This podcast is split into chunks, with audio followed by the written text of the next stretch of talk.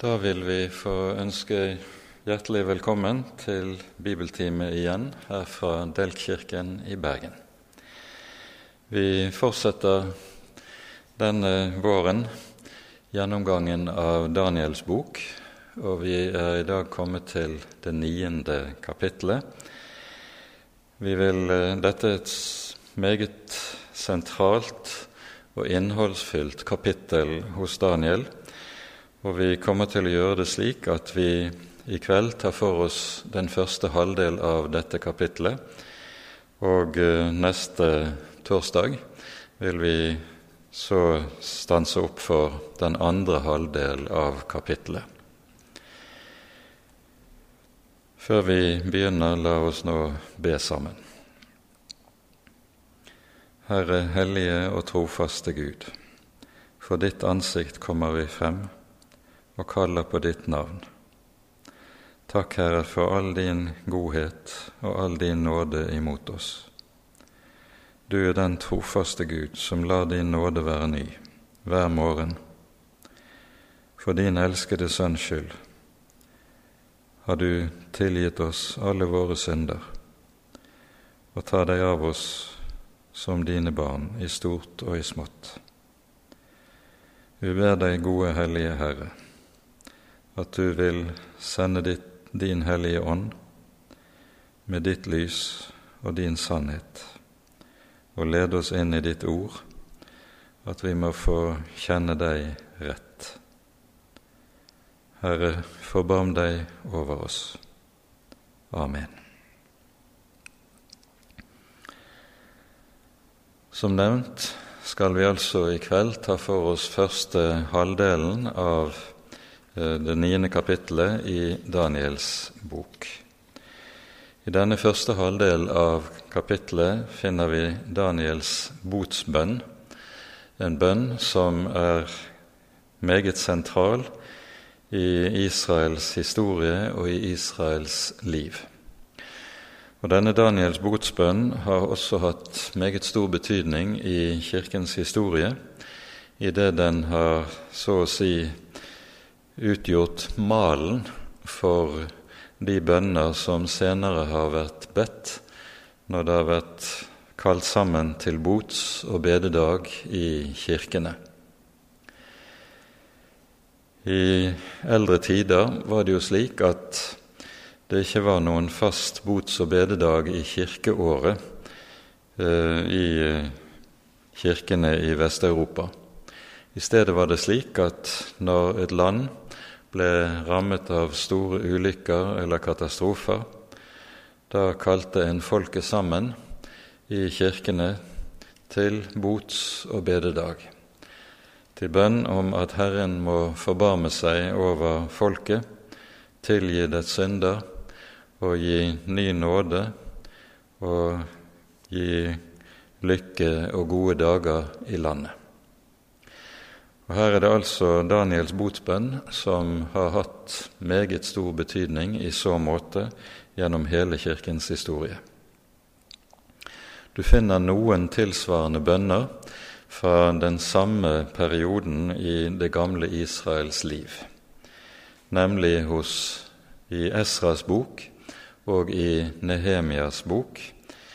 Begge disse to eh, befinner seg rent historisk i perioden etter eh, fangenskapet i Babel, Babel, og er kalt av Herren til å være hans redskaper i forbindelse med gjenreisningen av tempel og av byen Jerusalem.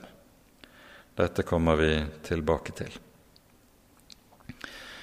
Innledningsvis leser vi de første versene her i kapittel 9.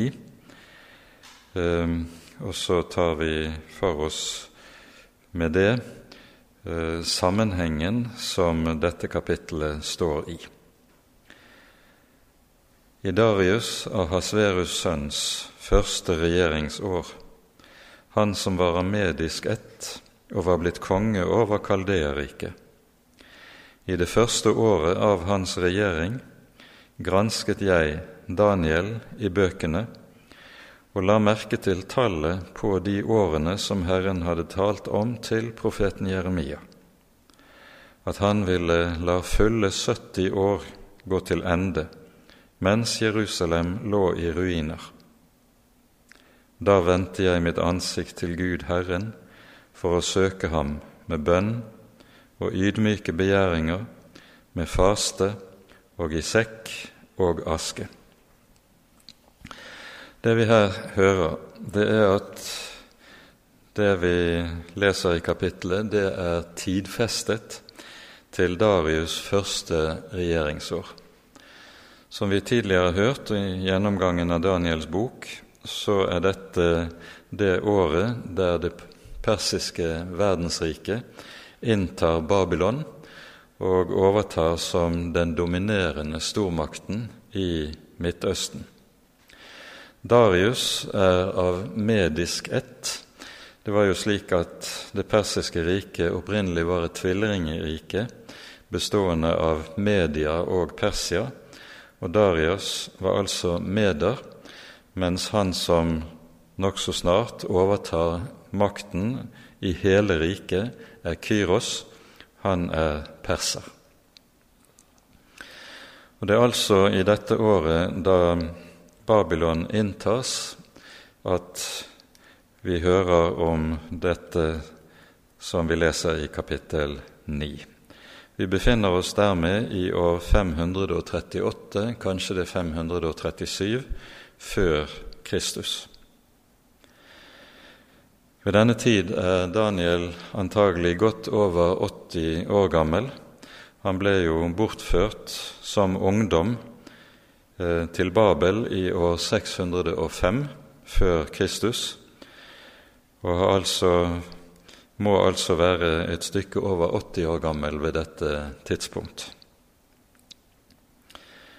Han, eh, vi hører at han gransker i de hellige skrifter. Dette fører til, hører vi, at han legger merke til en bestemt sak. Og med det peker teksten på noe som vi allerede her skal understreke. Det å lese Skriften, det handler om å legge merke til det som faktisk står der. Det er ofte man kan lese Skriften uten å legge merke til viktige ting i Skriften. Man leser litt for fort, man leser uten ettertanke, man leser uten bønn om Den hellige ånds veiledning når man arbeider med Skriften, og dermed så ser en ikke og legger en ikke merke til ting som kan være uhyre betydningsfulle i Ordet. Om Daniel sies det altså han legger merke til. Og det Daniel har lest nå ved denne anledning, det er fra profeten Jeremia. Jeremias virket jo i Jerusalem i nettopp på den tiden da Daniel ble bortført til Jerusalem. Jeremia kalles til profet i eh, Juda og i Jerusalem i det trettende året av kong Josias regjering, og har allerede, når vi er kommet til år 605, Eh, virket i nærmere 20 år som profet. Dette medfører med stor sannsynlighet at Daniel har hørt profeten Jeremias forkynnelse før han ble bortført, og at denne forkynnelsen har gjort dypt, dypt inntrykk på ham.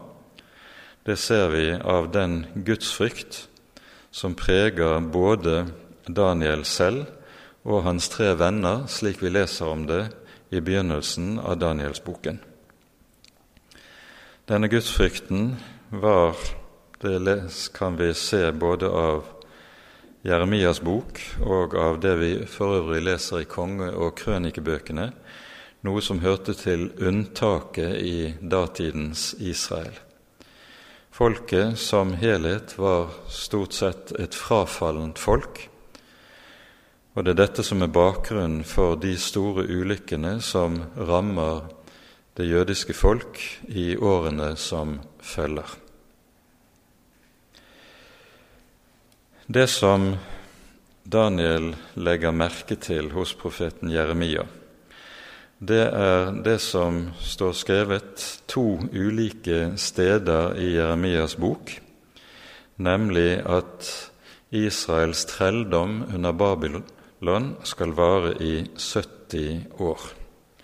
Og vi tar oss tid til å lese dette fra Jeremia-boken.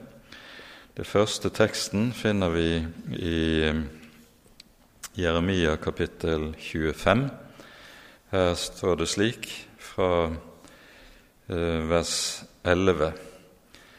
Jeremia, Det står i en større sammenheng der Jeremia profeterer dom over folket, og så sies det hele dette land skal bli en ørken til en ødemark, og disse folkeslag skal tjene Babels konge i 70 år.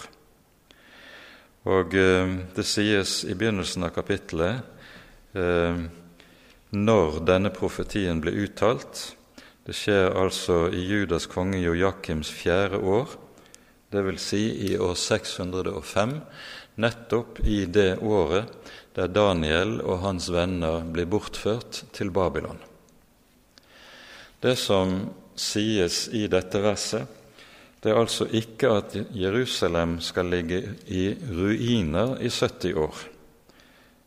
For byen står fortsatt i år 605, men de skal tjene Babels konge i 70 år. Det er nemlig fra år 605 at Israel har mistet sin selvstendighet og blir et lydrike under det babylonske verdensriket. Andre gangen denne profetien lyder hos profeten Jeremia, er i det 29. kapittel. Her er sammenhengen den at det nå er gått åtte-ni år, og eh, kong Jojakim gjorde opprør mot eh, den babylonske overhøyheten og nektet å betale skatt til Nebukadneser. Det medfører at Nebukadneser sender en straffeekspedisjon mot Jerusalem, og byen inntas så i år 597. Kanskje det er 598. Man er litt usikker på det nøyaktige årstallet. Og ved denne anledning så bortføres 10 000 av innbyggerne i Jerusalem. Byen blir fortsatt stående. Nebukadnesa Nebukadneser innsetter en av kong Joakims brødre til konge, lydkonge, i Jerusalem. Det er han som heter Sidkia. Eh, og Sidkia blir fortsatt sittende som konge i Jerusalem i ti år, inntil han også gjør opprør mot Babylon, hvilket fører til at byen da til slutt erobres og inntas for tredje gang av den babylonske makten. Og da er Babylons tålmodighet slutt. Babylonerne eh, brenner tempelet, river ned bymurene og jevner hele Jerusalem med jorden. Men det er altså ved denne den, Etter Joakims eh, opprør og at Nebukadnesa inntar Jerusalem i år 597, at den andre profetien om de 70 årene dukker opp hos profeten Jeremia. Foranledningen til dette det er at de 10 000 som er bortført til Babylon i fangenskap, de, eh, blant disse opptrer det falske profeter. De falske profetene de sier at Gud er jo Israels Gud, er med folket, og Derfor skal Herren sørge for at de snart får vende tilbake til Jerusalem, komme tilbake fra fangenskap, og deres elendighet skal opphøre. Da er det at Jeremias på Herrens befaling sender brev til de bortførte i Jerusalem og varsler dem om at dette er falske profeter, dette må de slett ikke lytte til. Vi leser fra vers 10, så kanskje vi kan lese et par vers fra sammenhengen. Han formaner først de bortførte til at de skal forberede seg på å leve lenge i Babylon. Og derfor sies det så sier Herren, herskarenes Gud, Israels Gud, til alle dem jeg har ført bort fra Jerusalem til Babel. Bygg hus og bo i dem. Plant hager og spis deres frukt. Ta dere koner og få sønner og døtre, og ta koner til deres sønner og gift bort deres døtre, så de kan føde sønner og døtre, bli tallrike der og ikke bli færre. Søk den byens velferd som jeg har bortført dere til og be for den til Herren. For når det går den vel, så går det dere vel. For så sier Herren, herskarenes Gud, Israels Gud, la dere ikke narre av profetene og spåmennene som er hos dere. Lytt heller ikke til de drømmene som dere selv har, for løgn profeterer de for dere i mitt navn. Jeg har ikke sendt dem, sier Herren. For så sier Herren, når 70 år er gått for Babel, vil jeg se til dere og oppfylle for dere mitt gode ord, at jeg vil føre dere tilbake til dette sted. For jeg vet de tanker jeg tenker om dere, sier Herren. Det er fredstanker og ikke tanker til ulykke. Jeg vil gi dere fremtid og håp. Det er altså disse tekstene Daniel har lest fra profeten Jeremia. Og han legger merke til dette løftet som Herren altså gir. 70, etter 70 år skal folket få lov til å vende tilbake. Herren vil styre historiens gang nettopp på det vis at han vil oppfylle det han lover. Og Nettopp dette skjer da også når Kyros kommer til makten. Det er mulig at det går et år eller to etter at Babylon er inntatt ved Darius, og at Kyrios så overtar herredømmet. Og Kyros bestemmer nokså raskt at det jødiske folk skal få lov til å vende tilbake. Dette leser vi om i innledningen til Esras bok, og det vi her hører, det er en oppfyllelse av profetien som vi hører hos Jesaja i det, slutten av det 44. og begynnelsen av det 45. kapittel. Disse ordene var talt nesten 200 år før vi er kommet til dette tidspunktet i Daniels liv, når han leser profeten Jeremia. Og 200 år før har altså Herren uttrykkelig lovet gjennom Jesaja at han vil sende en mann, Kyros, sin tjener. Han skal trøste Jerusalem. Han skal sørge for at det jødiske folk får frihet og får vende tilbake. At det jødiske folk blir befridd fra den dom som de var under på grunn av sin synd. Dette er altså den bibelske sammenhengen i dette. Og Det som også er viktig å være klar over, det er at Jeremias profetiske virksomhet den hviler i sin helhet i profetiene som eh, vi finner i Femte Mosebok, i de siste kapitlene, først og fremst i kapittel 28 men også kapittel 32. I kapittel 28 i 5. Mosebok så truer Herren folket med de alvorligste dommer, med den største forbannelse, dersom folket bryter pakten, vender seg til avgudene og henfaller til synd. Ehm, og nettopp det vi hører i dette kapittelet hos eh, i Femte Mosebok, det er noe som lyder på ny og på ny gjennom Jeremias profetiske budskap. Jeremias budskap er umulig å forstå uten sammenhengen med nettopp Femte Mosebok og de trusler Herren legger over for, på folket dersom de vender ham ryggen, dersom de faller fra. Samtidig er det også slik, det leser vi i det 30. kapittelet i Femte Mosebok, at dersom folket vender om, så lover Herren at han vil føre folket tilbake til det lovede land, føre folket hjem igjen fra alle de land han har drevet dem bort til på grunn av deres frafall og på grunn av deres synd. Så også løftet om hjemkomst, tilbakekomst til det lovede land etter at dommen har blitt fullbyrdet, finner vi eh, i Femte Mosebok.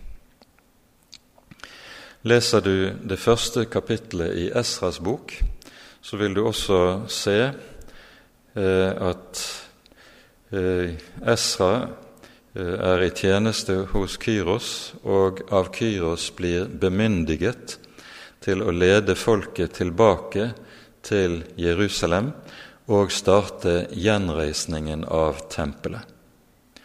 Den egentlige gjenreisningen av byen Jerusalem den starter ikke før Eh, en generasjon eller to etter dette, nemlig med at Nehemia sendes tilbake til Jerusalem.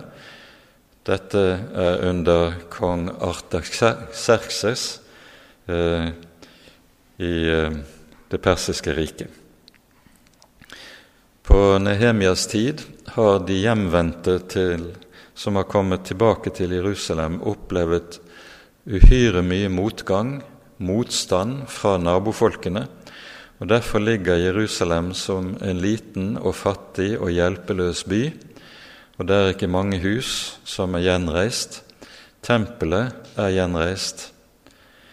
Det hører vi om hos profeten Zakaria, og ikke minst hos profeten Haggai. Men når tempelet er gjenreist, så hører vi at noen av de gamle som hadde sett Salomos tempel i sin prakt, de bryter ut i gråt. For det tempelet de nå har gjenreist, er så uhyre fattigslig og skrøpelig i forhold til det som sto der da babylonerne inntok byen og raserte det hele. Det er altså en meget avgjørende tid i det jødiske folks liv og historie vi er kommet til når vi er her ved det niende kapittel i Daniels bok. Og Daniels botsbønn er noe av foranledningen til at folket får vende tilbake. Bak kulissene så hører Herren bønnen og skrider inn og bevirker kong Kyros til å sende Esra og de av folket som ønsker å vende hjem igjen, tilbake til det lovede land.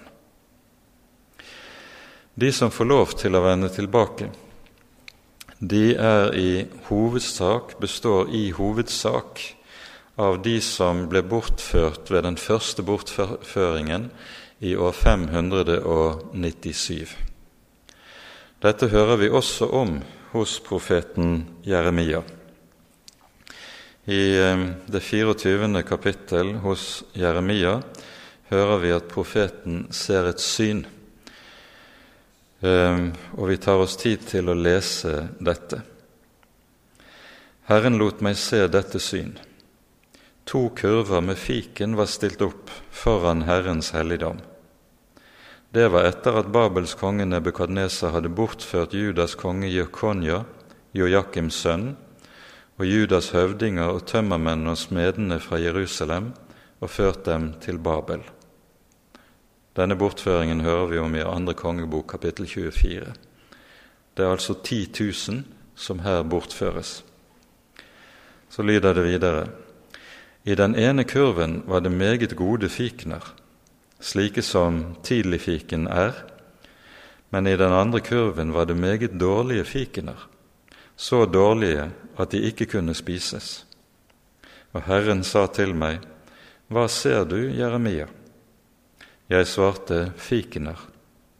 De gode fikener er meget gode, og de dårlige er meget dårlige. De er så dårlige at de ikke kan spises. Da kom Herrens ord til meg, og det lød slik. Så sier Herren Israels Gud.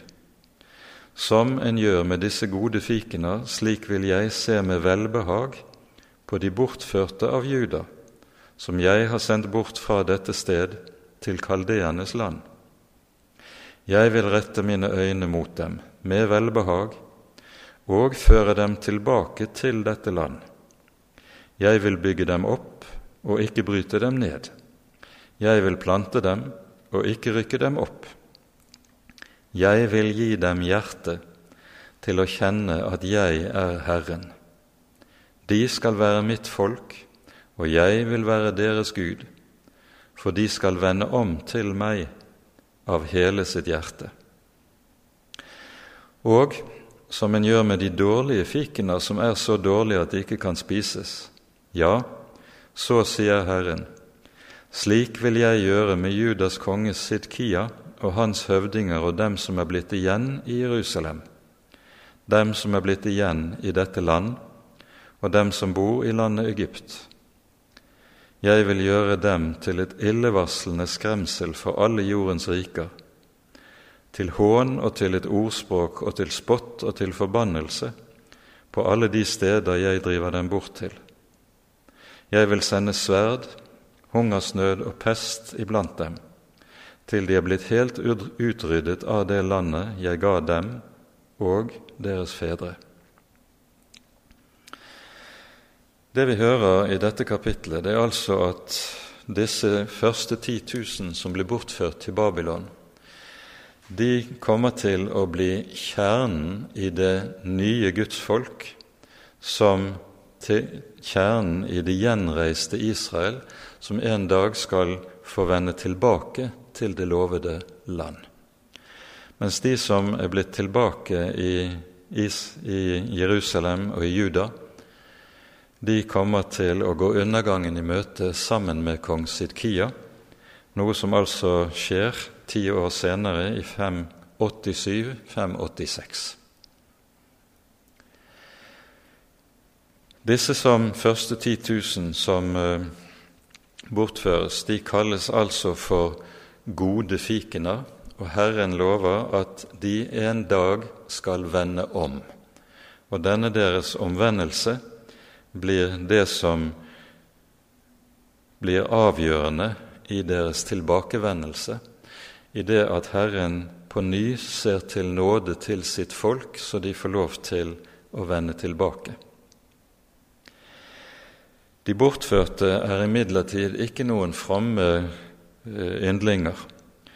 De er også særdeles ugudelige, og det er for sin ugudelighets skyld de bortføres det som kommer i meget stor utstrekning til å bevirke deres omvendelse mens de er i landflyktigheten i Babel, det er profeten Esekiels virke. Vi hører om rikelig om eh, Esekiels virke i hans profetiske bok. Han er jo en profet som nettopp ikke virker i Israels land, men blant de bortførte i Babel og han har ingen lett oppgave.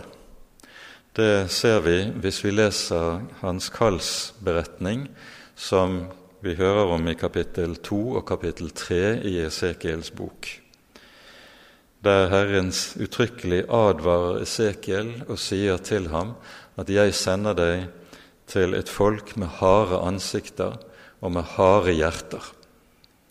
De vil ikke høre på deg, men du skal tale til dem selv om de ikke vil høre. Slik lyder Herrens befaling til Esekiel når han kalles til profet. Men litt etter litt så kommer altså Esekiels profetiske virke til å bære frukt, inntil den dagen kommer at folket får lov til å vende tilbake. Det er viktig å være klar over denne bibelske sammenhengen i det, for slik ser vi også hvorledes eh, de ulike profetenes liv og virke og budskap henger på det aller nøyeste sammen. Dette blir en lang innledning, og vi går nå inn i, konkret i Daniels botsbønn i det niende kapittel i hans bok. Vi leser fra vers tre.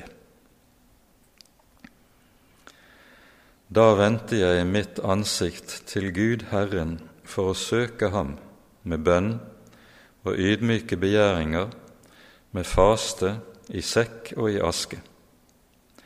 Jeg ba til Herren min Gud og bekjente og sa:" Å Herre, du store og forferdelige Gud, som holder din pakt og bevarer miskunnhet mot dem som elsker deg og holder dine bud. Vi har syndet og gjort ille, vært ugudelige og satt oss opp imot deg. Vi har veket av fra dine bud og fra dine lover. Vi hørte ikke på dine tjenere profetene, som talte i ditt navn til våre konger, våre høvdinger og fedre og til alt folket i landet. Du, Herre, er rettferdig, men vi må skamme oss. Slik er det på denne dag. Judas menn, Jerusalems innbyggere og hele Israel, både de som er nær og de som er langt borte i alle de land du har drevet dem bort til, på grunn av den troløshet de hadde vist mot deg. Herre, vi må skamme oss, våre konger, våre fyrster og våre fedre, fordi vi har syndet imot deg. Hos Herren vår Gud er barmhjertighet og tilgivelse, men vi har satt oss opp imot ham. Vi hørte ikke på Herren vår Guds røst og fulgte ikke Hans lover som Han satte fram for oss ved sine tjenere profetene. Hele Israel har overtrådt din lov, er veket bort fra deg og hørte ikke på din røst. Derfor ble den forbannelsen han hadde sverget å sende utøst over oss, den som står skrevet i Mose Guds tjeners lov, for vi hadde syndet mot ham. Han har stadfestet det ord han talte mot oss og mot våre dommere som dømte oss. Han førte over oss en ulykke så stor at det ikke under hele himmelen er hendt noe slikt som det som er skjedd i Jerusalem. Etter det som står skrevet i Moselov, kom all denne ulykke over oss. Men vi søkte ikke å mildne Herren vår Guds åsyn. Vi omvendte oss ikke fra våre misgjerninger og aktet ikke på din sannhet. Derfor hadde Herren stadig ulykken for øye og lot den komme over oss. For Herren vår Gud er rettferdig i alt det Han gjør, men vi hørte ikke på hans røst. Og nå, Herre vår Gud, du som førte ditt folk ut av landet Egypt med sterk hånd og har vunnet deg et navn som det er på denne dag. Vi har syndet og vært ugudelige.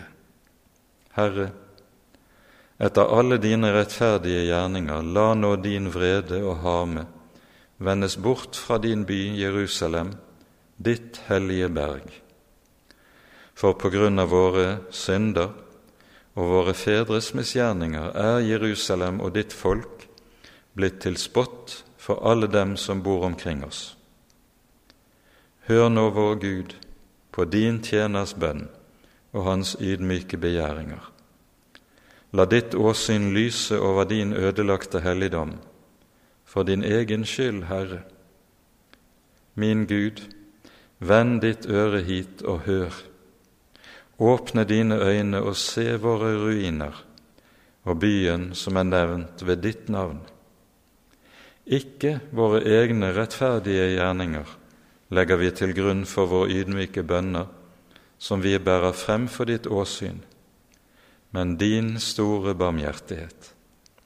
Herre, hør. Herre, tilgi. Herre, gi akt og gjør det. Dryg ikke, for din egen skyld, min Gud. For din by og ditt folk er kalt med ditt navn.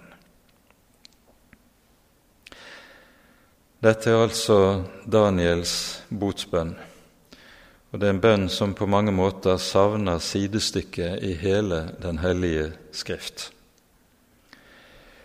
Vi skal legge merke, nøye merke til en rekke av de saker som her, vi her leser.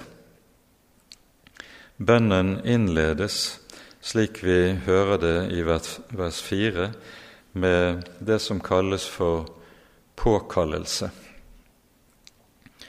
Ehm, I Filippabrevet hører vi jo tale om tre forskjellige slags typer av bønn. Når Paulus sier 'vær ikke bekymret for noe', men la i alle ting deres begjæringer komme frem for Gud i påkallelse og bønn med takksigelse. Påkallelsen, det er når en tiltaler og påkaller Gud under hans rette navn. Det er det vi gjør i innledningen til Fader vår, f.eks. Fader vår, du som er i himmelen. Det er selve påkallelsen i bønnen. Og Her påkalles Gud slik som vi altså leste det. Å Herre. Ordet som er oversatt med Å Herre, betyr egentlig Herre, vær så snill. Det er et uttrykk som eh, betegner en ydmyk tilnærmelse til Herren. Og så kommer det videre Du store og forferdelige Gud. Ordet som er oversatt med 'forferdelig', vi hører dette navnet på Gud en rekke steder i Skriften, både hos Jesaja og salmene særlig. Det er et ord som bokstavelig betyr fryktinngytende. For når Gud skrider inn til dom, når Guds vrede bryter ut, da fylles mennesket med angst for den levende Gud. Og det er denne angst og beven innenfor Gud og Guds dommer som kommer til uttrykk i dette uttrykket som eh, vi her hører fra Daniels munn. Så etter at Daniel har sagt så, følger det du er den som holder din pakt og bevarer miskunn mot dem som elsker deg og holder dine bud. Med andre ord hadde Israels folk nettopp gjort dette, tatt vare på Herrens ord og tatt vare på Hans bud. Da var de ikke kommet i den ulykke som de nå lever under, som fanger og treller under verdensmakten. Og så kommer bekjennelsen. Og den er en meget dyptgående synsbekjennelse. Det første vi merker oss med denne, det er at Daniel hele tiden sier 'vi'. Han inkluderer med andre ord seg selv i folkets synd. Det er ikke sånn at han ser på folket og dets synder og synder de, og sier 'de har syndet', men han sier 'vi'. I dette ligger noe av det samme som vi hører hos profeten Jesaja når han møter Herren, slik vi leser i det sjette kapittel i hans bok. Der bryter Jesaja ut 'Ved meg, jeg er fortapt', for jeg bor jeg er en mann med urene lepper og bor midt iblant et folk med urene lepper. Det er altså slik at Jesaja inkluderer seg selv i den synd som er rådende i folket. Sånn vil det alltid være med den som har levet slik med Herren at han har lært seg selv å kjenne. Han har også lært sin egen synd og sitt eget hjerte å kjenne, og vet derfor med seg selv at han slett ikke er uskyldig. Den synd som folket er skyldig i, den bærer også den rettferdige i sitt eget hjerte, og må derfor inkludere seg selv i synsbekjennelsen. Dette altså trass i at Daniel to ganger hos profeten Esekiel omtales blant de tre personer i verdenshistorien som er rettferdige, nemlig Noah, Jobb og altså Daniel selv. Men han inkluderer seg selv i synsbekjennelsen. De første ordene som vi hører her i synsbekjennelsen, er viktig å merke seg. Når det er oversatt som vi hører det, 'Vi har syndet og gjort ille og vært ugudelige', så brukes her tre forskjellige begreper som alle sammen er de tre hovedbegrepene for synd i Det gamle testamentet. Det ene hovedbegrepet det betyr det å bomme på målet. Gud har satt et mål for livet vårt men ved å hengi oss til det som er i strid med Guds vilje, så forfeiler et menneske sitt liv. Det bommer altså med hele livet sitt på målet. Det andre begrepet betegner det å fordreie noe som er rett. Man perverterer altså det gode og det rette, så det blir til noe som er vrangt, stygt og ondt. Det tredje begrepet det betyr rett og slett overtredelse. Det er et begrep som betegner det at man vet hva som er rett og hva som er galt.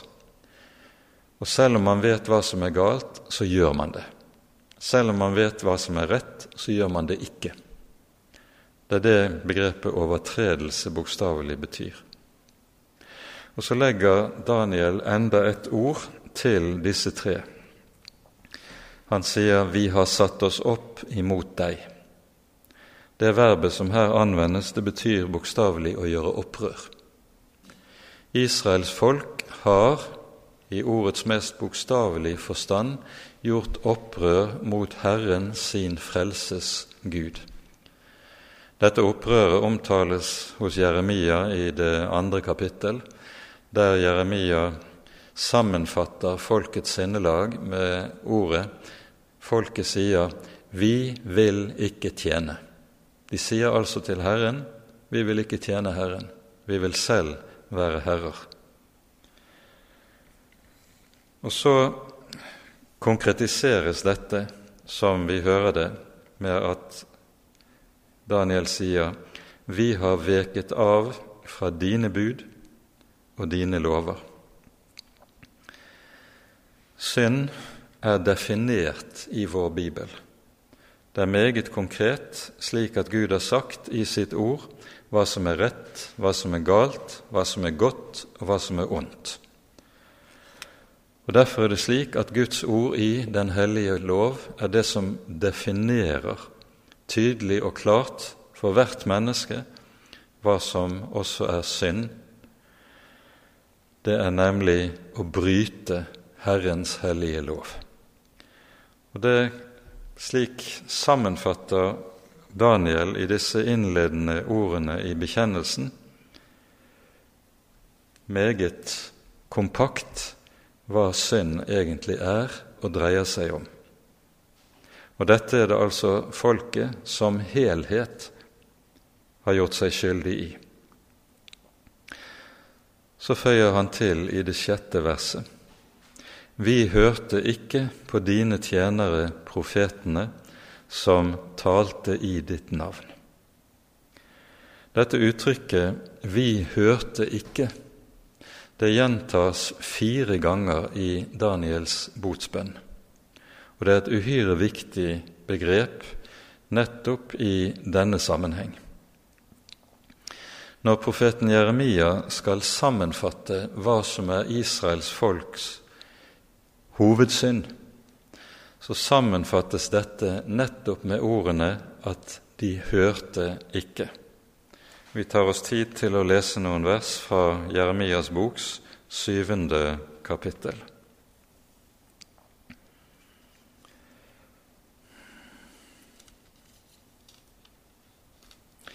Vi leser fra vers 21 i Jeremia 7.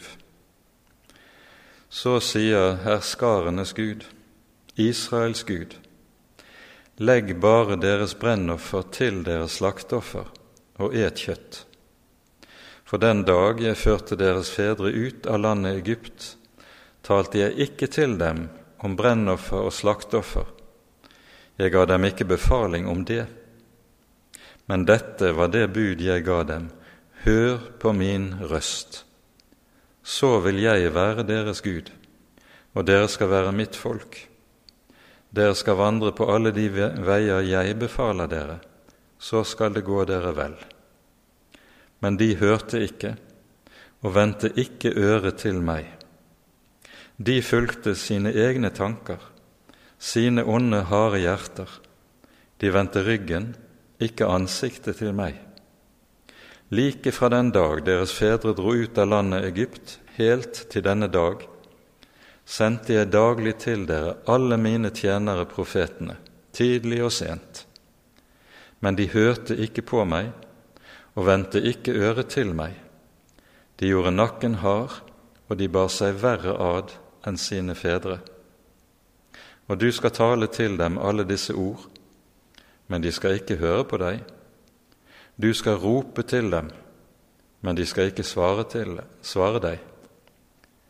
Du skal si til dem, dette er det folk som ikke har hørt på Herren sin Guds røst og ikke tatt imot tukt. Folkets frafall og ulydighet mot Herren sammenfattes altså i disse ordene dette er det folk som ikke har hørt på Herren sin Guds røst. Dette er helt avgjørende i Den hellige Skrift. Allerede i 5. Moseboks 18. kapittel gir Herren det løftet at når Moses er borte, vil Herren i hans sted sende profeter til folket og profetene skal sørge for at folket alltid har Herrens ord og Herrens veiledning hos seg. Profetene er satt til, de har fått det embetet, å være Herrens munn i folket. Og så sier Herren i, nettopp i den sammenheng at den som ikke vil høre på mine ord i profetens munn, ham vil jeg kreve til regnskap for det. Det er altså slik at et menneskes evige skjebne avgjøres av dets forhold til Herrens ord. Og Dette er noe som gjentas, og som vi møter på ny og på ny gjennom hele Den hellige Skrift. I Jesaja 55 er det disse kjente ordene lyder til oss. Hør, så skal din sjel leve. Bøy deres øre hit og kom til meg. Så skal dere ete landets gode retter. Et menneskes frelse ligger i dets hørsel, i å høre Herrens ord, ta Herrens ord til hjertet. For der Herrens ord blir tatt til hjertet, der vil ordet også utvirke det som er Guds gjerning i et menneskes hjerte og sinn. Motsatt hører vi i det åttende kapittel hos Jesaja at Herren sier til profeten, eller gjennom profeten til folket, bind ordet inn og ta vare på vitnesbyrdet. Og så kommer det videre dersom de ikke sier så, dette folk, da skal de fare gjennom landet hungrige og i mørket, og mørket blir tungt, det blir et angstfullt mørke. Så når Jeremia sammenfatter folkets synd slik som vi hører det i det syvende kapittel hos han, så sammenfattes dette altså nettopp med forholdet til Herrens ord. Dette er det folk som ikke har hørt på Herren sin Guds røst. Og Nettopp dette gjentas altså hele fire ganger i Daniels botsbønn. En liten anmerkning også til de første versene vi leste her fra Jeremia 7. Eh, vi leste 'Legg bare deres brennoffer til deres slakteoffer og spis kjøtt'. For den dagen jeg førte deres fedre ut av landet Egypt, talte jeg ikke til dem om brennoffer og slakteoffer, jeg ga dem ikke befaling om det. En kan kanskje spørre seg selv i møte med disse ordene var det, jo, var det ikke slik at Herren nettopp ga lover om offer, slik vi hører om det i forbindelse med lovgivningen rundt tabernaklet i slutten av andre Mosebok og begynnelsen av tredje Mosebok? Herren gir jo vitterlig lover om dette. Men poenget med det Jeremia har å si her, det er at den gudstjeneste og de ofringer som folket har i tempelet, det er folket omgjort til noe som er en fortjenestefull gjerning. De tenker at bare de ofrer og feirer gudstjeneste, så vil, være, vil Gud være dem nådig. Og så er det revnende likegyldig hvordan de selv lever. Den type ofringer har Gud aldri bedt om og aldri befalt. Poenget med ofrene slik vi hører om dem i andre og tredje Mosebok, er at ofrene i Det gamle testamentet er et nådemiddel.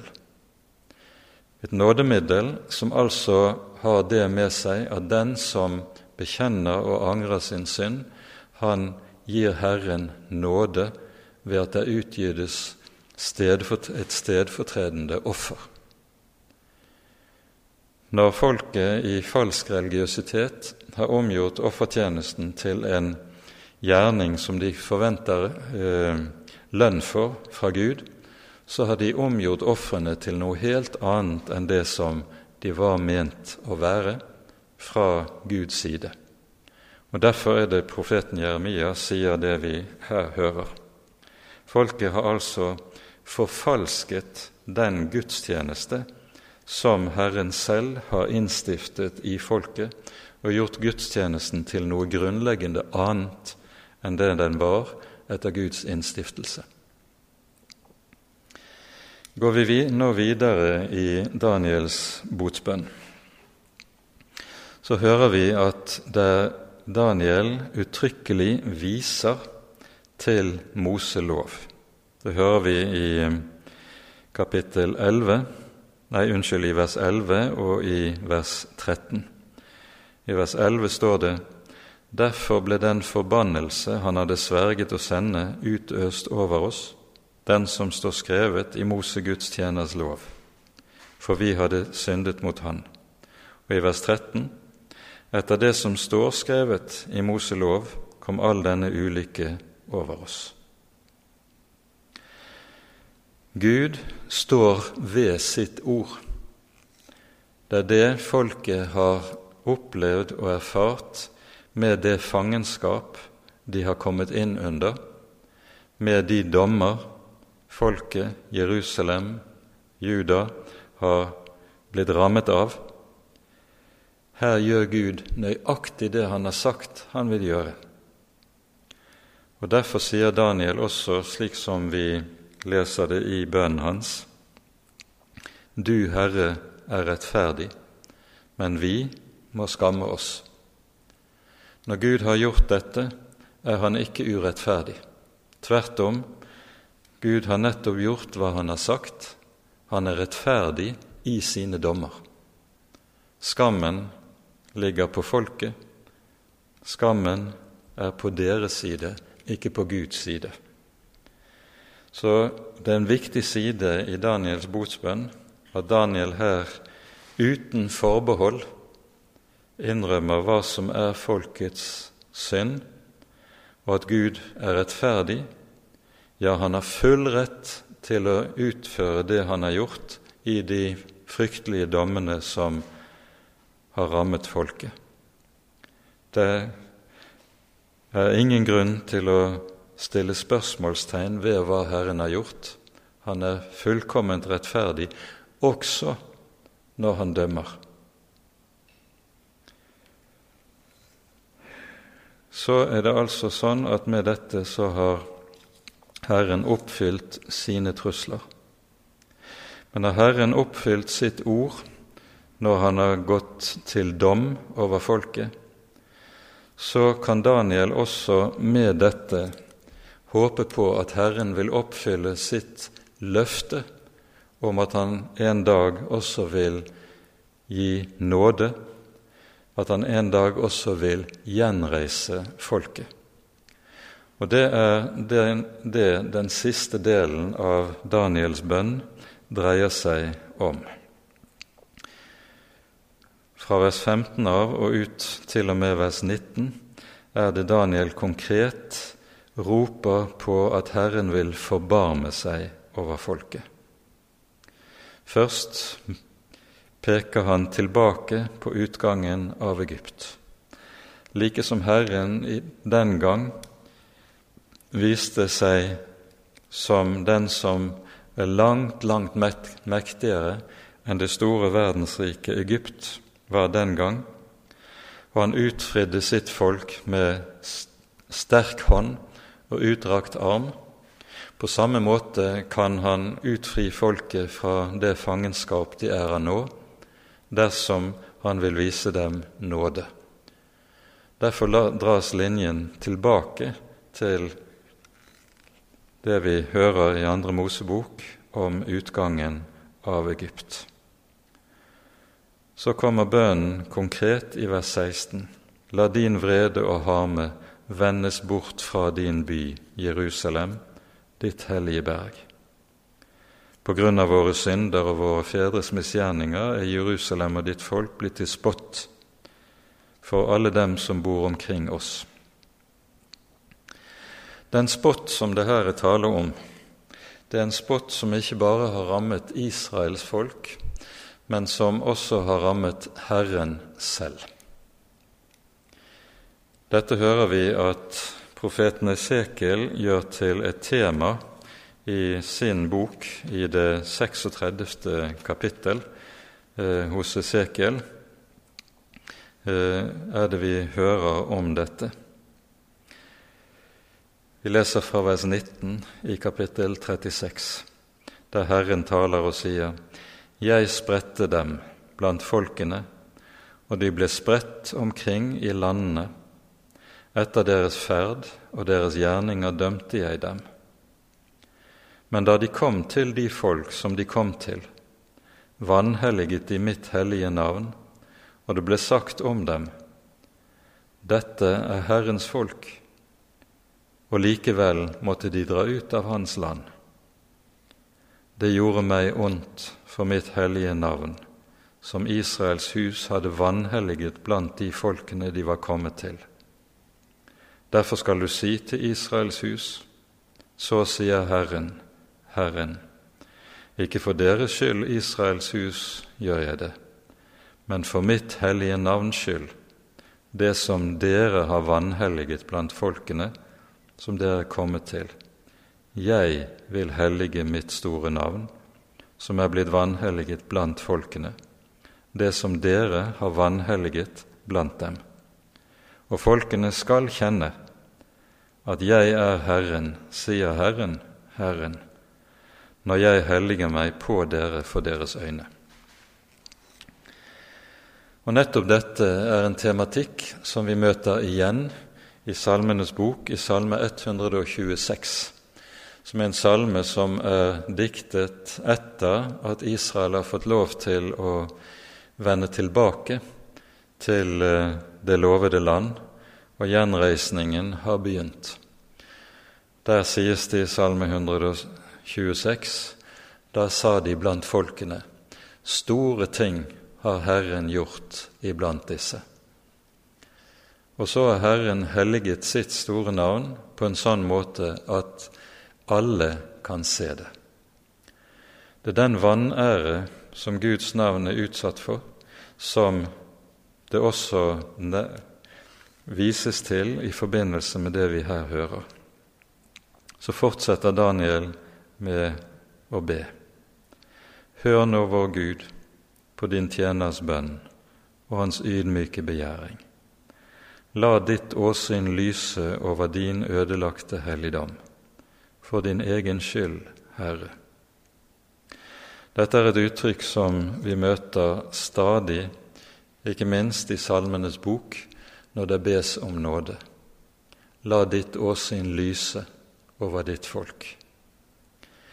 Det henger jo sammen med ordene fra velsignelsen, den aronittiske velsignelsen som er gitt oss i Fjerde Mosebok sjette kapittel. Herren velsigne deg og bevare deg. Herren la sitt åsyn lyse over deg og være deg nådig. Herren løfte sitt åsyn på deg og gi deg fred. Og Her i det andre leddet i velsignelsen er det vi altså hører at det at Gud lar sitt åsyn lyse, det er knyttet sammen med at Herren rekker og gir sitt folk sin nåde. Og det er det som altså ligger i dette uttrykket. I særlig, ganske særlig i Salme 80 som er en bønn som er bedt av et folk som også er under Guds dom, møter vi denne bønnen gjentatte ganger fra det nødstedte folket. Herre, vend tilbake, la ditt åsyn lyse, så vi blir frelst.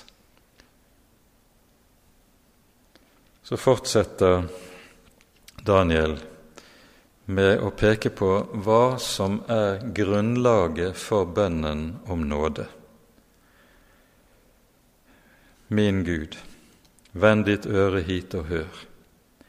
Åpne dine øyne og se våre ruiner og byen som er nevnt ved ditt navn. Ikke våre egne rettferdige gjerninger legger vi til grunn for våre bønner, men din store barmhjertighet.